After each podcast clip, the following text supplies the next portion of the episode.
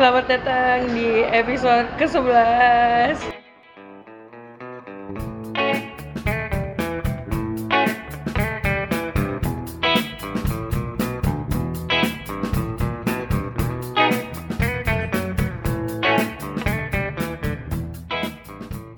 adalah episode pertama di tahun yang baru, episode pembuka 2020 kali ini aku bakal ditemenin sama satu orang yang bernama jeng jeng jeng jeng. Namanya Mahira. Sama Hira panggilannya? Mahi.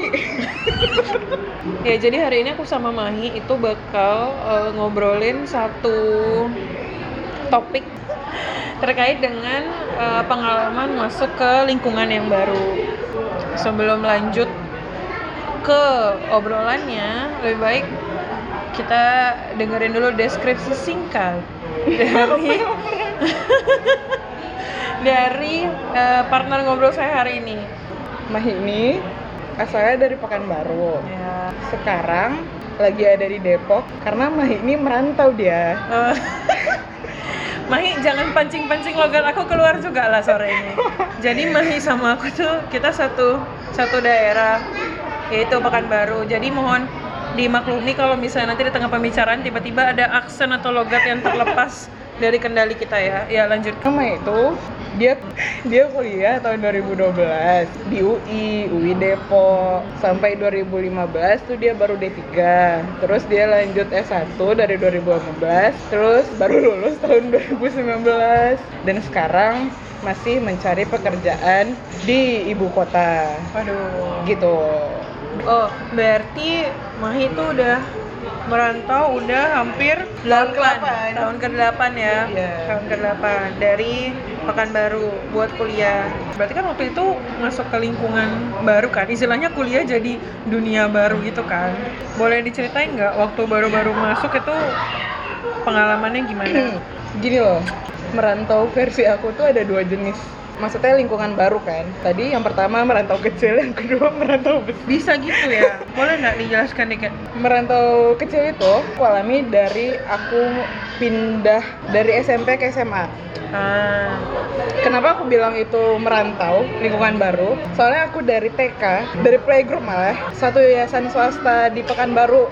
Itu terus sampai SMP dan orang-orangnya juga itu itu aja. Teman-teman sekolahan itu itu aja. Kalau ikutan les temennya ya teman sekolahan gitu kan. Alhamdulillah dibuka pintu untuk mencoba dunia baru itu waktu SMA akhirnya pergi ke negeri. Di situ aku udah merasakan merantau kecil. Makanya aku bilang merantau kecil. Memang pas pulang kan memang masih balik ke rumah gitu kan. Ya.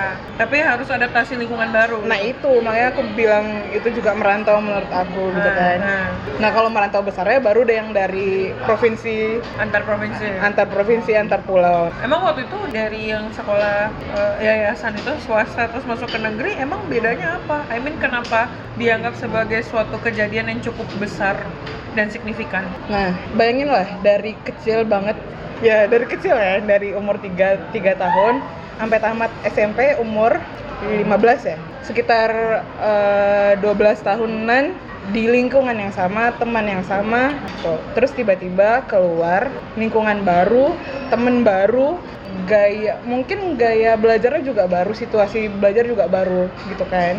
Jadi yang baru-baru ini jatuhnya jadi terpaksa Hmm. terpaksa buat ngapa untuk berani jadi karena selama 12 tahun aku di swasta aku jadi apa punya uh, keberanian di situ-situ aja kayak bagak di kandang gitu loh maksudnya Mantap kan nih, keluar kita istilahnya bagak kandang emang. Ya, Jadi bagak- jagonya tuh cuman di lingkungan ah. itu itu aja gitu kan. giliran lingkungan baru nggak berani ngomong nggak berani muncul di depan teman-teman yang baru gitu loh jadi terpaksa terpaksanya kenapa? Terpaksanya di sini jatuhnya positif. Untuk survive kan untuk bisa buat teman baru untuk ya untuk belajar. Ya hal-hal positif selama aku di SMA negeri yang lingkungannya baru itu. Itu sih merantau kecil aku. Jadi udah udah mulai membuka sifat aku yang baru menurut aku Eh, mengganti baga di kandang itu menjadi baga luar lebih besar kandang. kandang orang lain mantap. oh gitu Oh, berarti kan waktu itu awalnya terpaksa, tapi karena terpaksa intinya karena mau mau nggak mau Nah, iya. biar bisa maksudnya menyatu dengan lingkungan baru akhirnya adalah perubahan-perubahan di diri Mahi yang menurut Mahi positif dan akhirnya kayak ngebuka sisi-sisi diri Mahi yang beda gitu Yap. kan kemudian apakah yang kayak gini kejadian juga waktu waktu masuk kuliah Kalau masuk kuliah, kan tadi aku bilang ini merantau besar. Kalau yang waktu masuk SMA, pulangnya kan tetap balik ke rumah orang tua, enak gitu kan. Nah kalau sekarang, itu bener-bener sendiri. Kayak di kos sendiri, walaupun aku punya abang. Hmm. Aku juga punya kalian teman-teman yang dari domisili sama, dari Pekanbaru. Tapi ya, untuk sehari kesehariannya kan tetap sendiri dari mulai bangun, sholat, mandi, nyuci, lalu segala macam aktivitasnya tetap sendiri.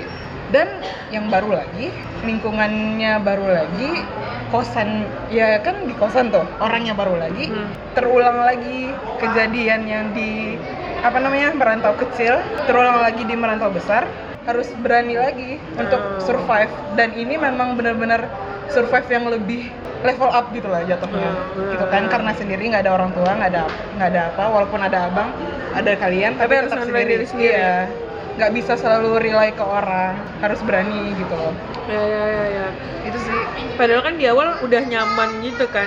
Uh, dari berubah masuk ke SMA terus sudah nyaman. Tiga tahun lagi kan Iya, udah nyaman. tahun, eh terus tiba-tiba ketemu lagi, lagi, jadi baru lagi. Jadi debut lagi gitu kan debut lah tuh kan Iya. tapi waktu waktu yang pertama kali memulai kehidupan sendiri serba sendiri kan ngekos terus aktivitas sendiri dan lain-lain tuh yang paling sulit atau atau yang paling sering dihadapin kesulitannya apa? kalau yang paling sering pasti aktivitas di kampus kan aktivitas di kampus di D3 Gue lo gue lo tuh sulit nggak? Oh my god, iya juga gue lo. Udah ada ngomong kayak gini tuh udah ada dong. Nah itu dia. nah pokoknya di kampus, aku baru nyadar bukan aku sendiri yang merantau. Nah, Banyak orang yang merantau, bukan Aku aku, juga. aja gitu kan. Hmm. Ternyata kayak gitu. Terus sejujurnya karena ini benar-benar baru buat aku, semuanya baru, lingkungan baru, A, B, C, D, F, G, E, sampai Z itu baru. Aku jadi lebih mengamati orang dulu. Ini aku cocok nggak ya di mereka? Ini mereka gimana tipenya? Jadi aku bisa tahu menghadapi mereka kayak gimana, cara ngomong mereka kayak gimana. Bukan rasis ya maksudnya, maksudnya bukan ngebeda ngebedain gitu, tapi buat menghadapi mereka bagaimana. Soalnya memang bakal menghadapi kan, soalnya temen sekelas, temen sekampus gitu loh. Kalau untuk masalah komunikasi sih nggak ada masalah, cuma ya makanya karena untuk menghindari hal-hal yang tidak aku inginkan, makanya aku observe dulu orang, amati orang dulu gitu kan. ya ya ya. Tapi itu untuk aku pribadi agak lama, soalnya aku mungkin baru satu bulan dua bulan baru berani gitu loh menghadapi orang-orang. Dan untungnya pas pertama kali itu kan kita ada itu loh ospek-ospek itu kan. Ya, ya. Nah, jadi ada salah satu temen aku yang udah duluan berani nanya-nanyain eh, pin BB, pin BB-nya minta dong. Deh. Nah, jadi seenggaknya aku udah punya salah satu temen yang bisa aku ngomong gitu kalau misalnya ada tugas atau ada apa gitu kan. Nah, tapi untuk nambah yang baru itu menurut aku cukup lama sih daripada yang lain. Aku ngeblendnya. Jadi anak-anak kelas itu gitu loh. Butuh sebulan. Karena aku nge-observe dulu kali ya selalu. Dan ada rasa apa ya kurang pede malah. Ah. kurang pede karena aku dari daerah gitu loh ngerasanya. Kayak mayoritasnya di kelas aku kebetulan memang anak-anak Jakarta Jabodetabek. Baru pertama kali seharian tuh ngomong pakai gue lo gue lo gitu loh guys Aku aja sampai sekarang nggak ada pakai gue lo gue lo. gitu Ah, Oke. jadi pribadi aku ada memperhatikan orang dulu Hmm. tim- timbul rasa nggak pedenya ada gitu untuk survive di lingkungan yang lebih baru yang level apa aku bilang tadi aku agak lebih hati-hati lah sih jatuhnya Ah, ya ya ya ya. Sebenarnya juga masalah yang tadi mengobservasi itu kan kayaknya itu wajar ya. Maksudnya namanya juga kita diterjunkan, anggaplah misalnya kita Hunger Games gitu. Pasti kan Hmm. kita cari tahu dulu medannya gimana kan. Asik. Wes, gila. Walaupun kita dari Pekanbaru bukan dari Medan.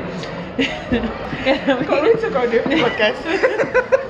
Terus masalah cepat atau enggak kayaknya tergantung orangnya juga enggak sih? Kayak mis- misalkan Mahi tadi bilangnya satu bulan dua bulan terus Hmm. dirasa udah lama padahal itu kan kayaknya beda-beda enggak sih kayak tiap orang. Aku jujur juga ngalamin serupa yang standar lah standar Hmm. anak-anak daerah merantau nggak pede dan lain-lain tapi akhirnya caranya biar bisa tetap survive diamatin terus lebih hati-hati Hmm. tapi capek nggak Capek. waktu lagi di dalam proses adaptasi yang kayak gitu Kalau capek capek enggak, cuma nggak ngerasa keberatan untuk ngomong. Kan pertama nggak bisa lah ikut eh, gaya orang-orang sini ngomong gue lo. Terus apa Maira ke kampus naik apa? Naik Honda. Nyebut brand coba. Minum minum apa? Air putih.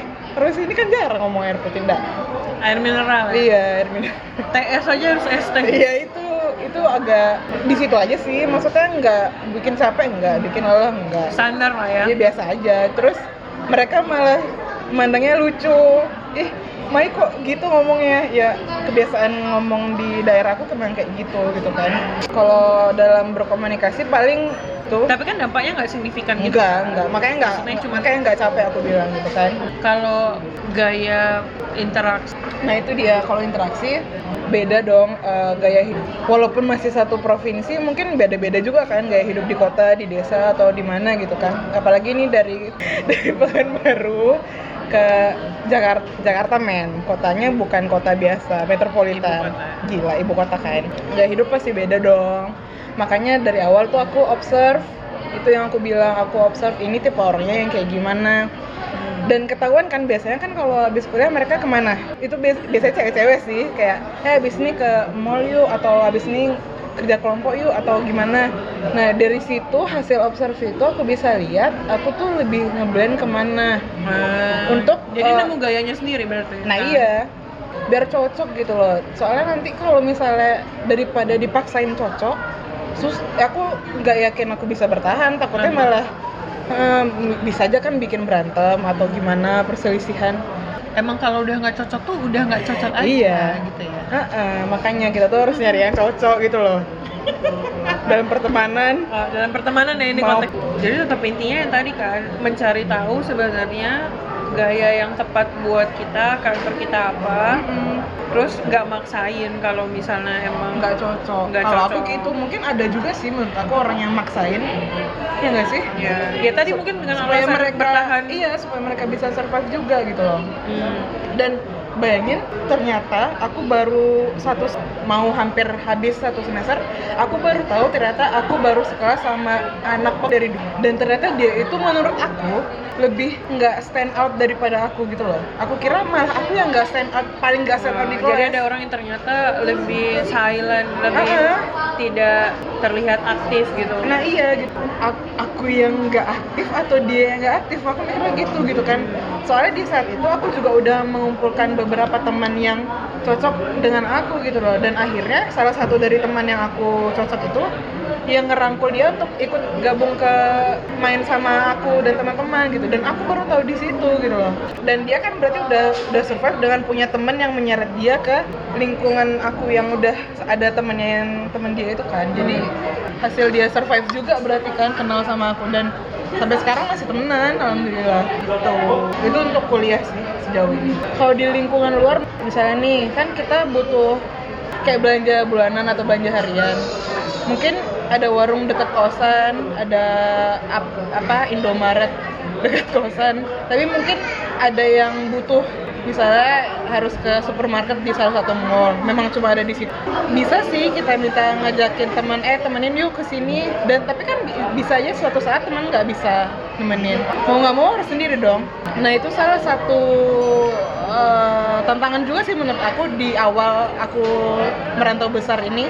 Dan soalnya kalau merantau kecil kan bisa sama mama sama papa sama siapa pun gitu kan. Kalau di sini kan nggak selalu bisa rely ke orang gitu loh. Ya mau ndak mau aku harus berani jalan ke mall sendiri.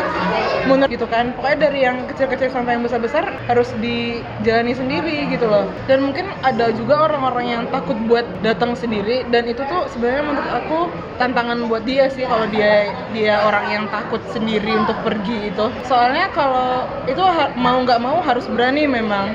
Dan itu kalau merantau itu jadi membentuk sifat berani sih menurut aku berani mandiri percaya diri.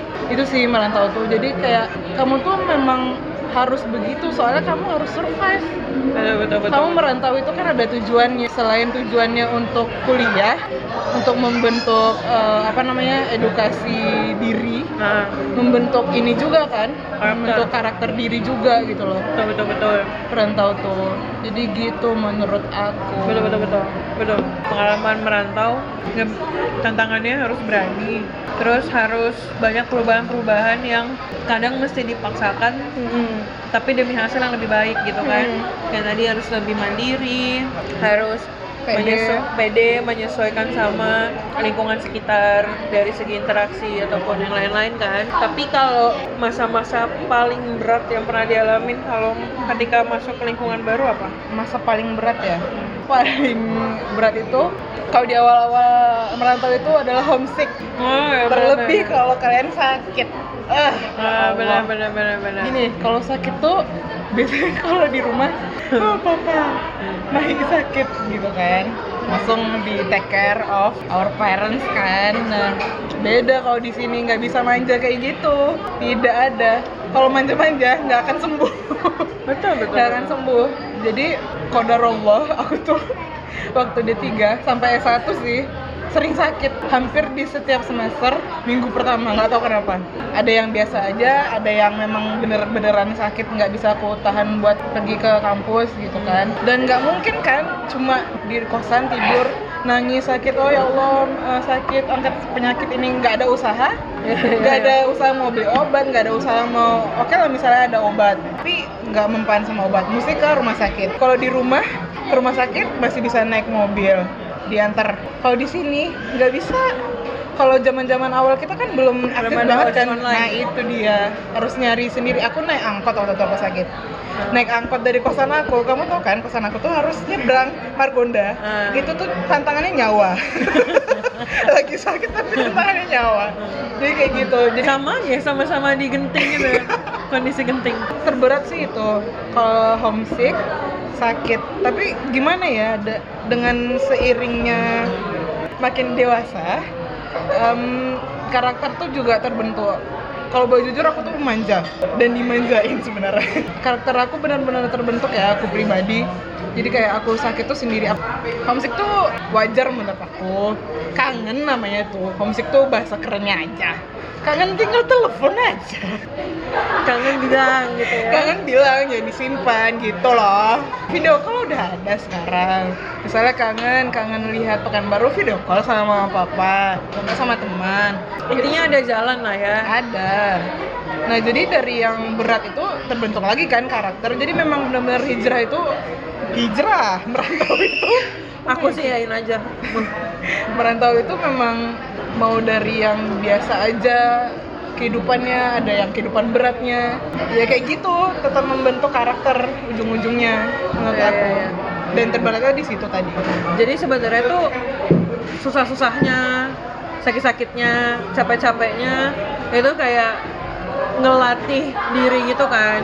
Biar eh, terbentuk atau mungkin sebenarnya udah ada bentukannya tapi terpancing. Hmm. Eh, versi ve- apa diri kita dengan versi yang lebih baik gitu. Iya. Baiklah, cukup insightful ya bahasan sore ini. iya. Kalau kita tidak membuka diri terhadap perubahan, ya kita kalau kita tidak membuka diri gitu terhadap perubahan atau hal-hal yang baru, cuman karena kita milih kenyamanan ya kita nggak akan pernah bisa maju. betul It- Iya. Kalau dari Mahi ada closing statement nggak? closing statement mau ngasih semangat aja kalau yang dengar ini ada yang mau merantau Atau yang sedang merantau? Atau apa ini apa? Ini buat yang mau doang atau yang sedang juga? terlebih buat yang persiapan mau merantau Hmm. intinya jangan takut apa sih yang perlu ditakutin gitu loh harus berani soalnya kalau nggak berani bertanya apalagi jalannya nggak akan terbuka kamu mau bertanya pasti ada yang kamu mau pecahkan kan kamu mau nyari solusi kan dari pertanyaan itu. Dan kamu harus berani buat bertanya untuk memecahkan atau mendapatkan solusi itu. Ya berani berani aja nggak apa-apa dong. Oke? Fighting